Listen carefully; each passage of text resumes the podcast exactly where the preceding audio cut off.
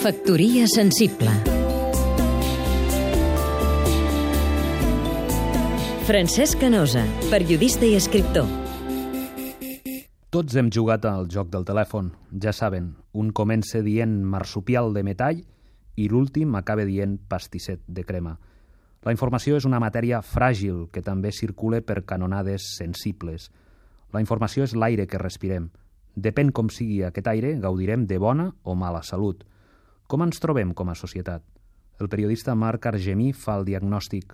Hem passat del regne de la notícia a la república del rumor. Internet, la xarxa, és un país de països sense rei. Per aquí campe més veloçment i lliurement que mai el rumor, una criatura creada per causes naturals o artificials. Ningú reconeix la seva paternitat.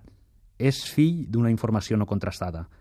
Argemí ho explica al llibre Rumors en guerra, desinformació, internet i periodisme, publicat per l'editorial A Contravent.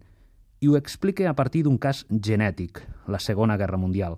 Durant el conflicte, els serveis secrets britànics van fabricar més de 8.000 rumors per escampar-los per tot el món. L'objectiu, minar la moral dels alemanys i enlairar l'esperit de victòria dels aliats. És clar, els alemanys també fabricaven rumors, tothom els procree. Guerra d'armes i guerra de paraules.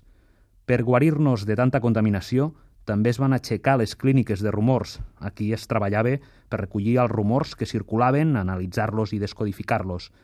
Benvinguts al segle I de la confusió, perquè de fet ja ho va dir fa més de cent anys el filòsof català Francesc Pujols. La vida és com un coit, una gran confusió de cames. Factoria sensible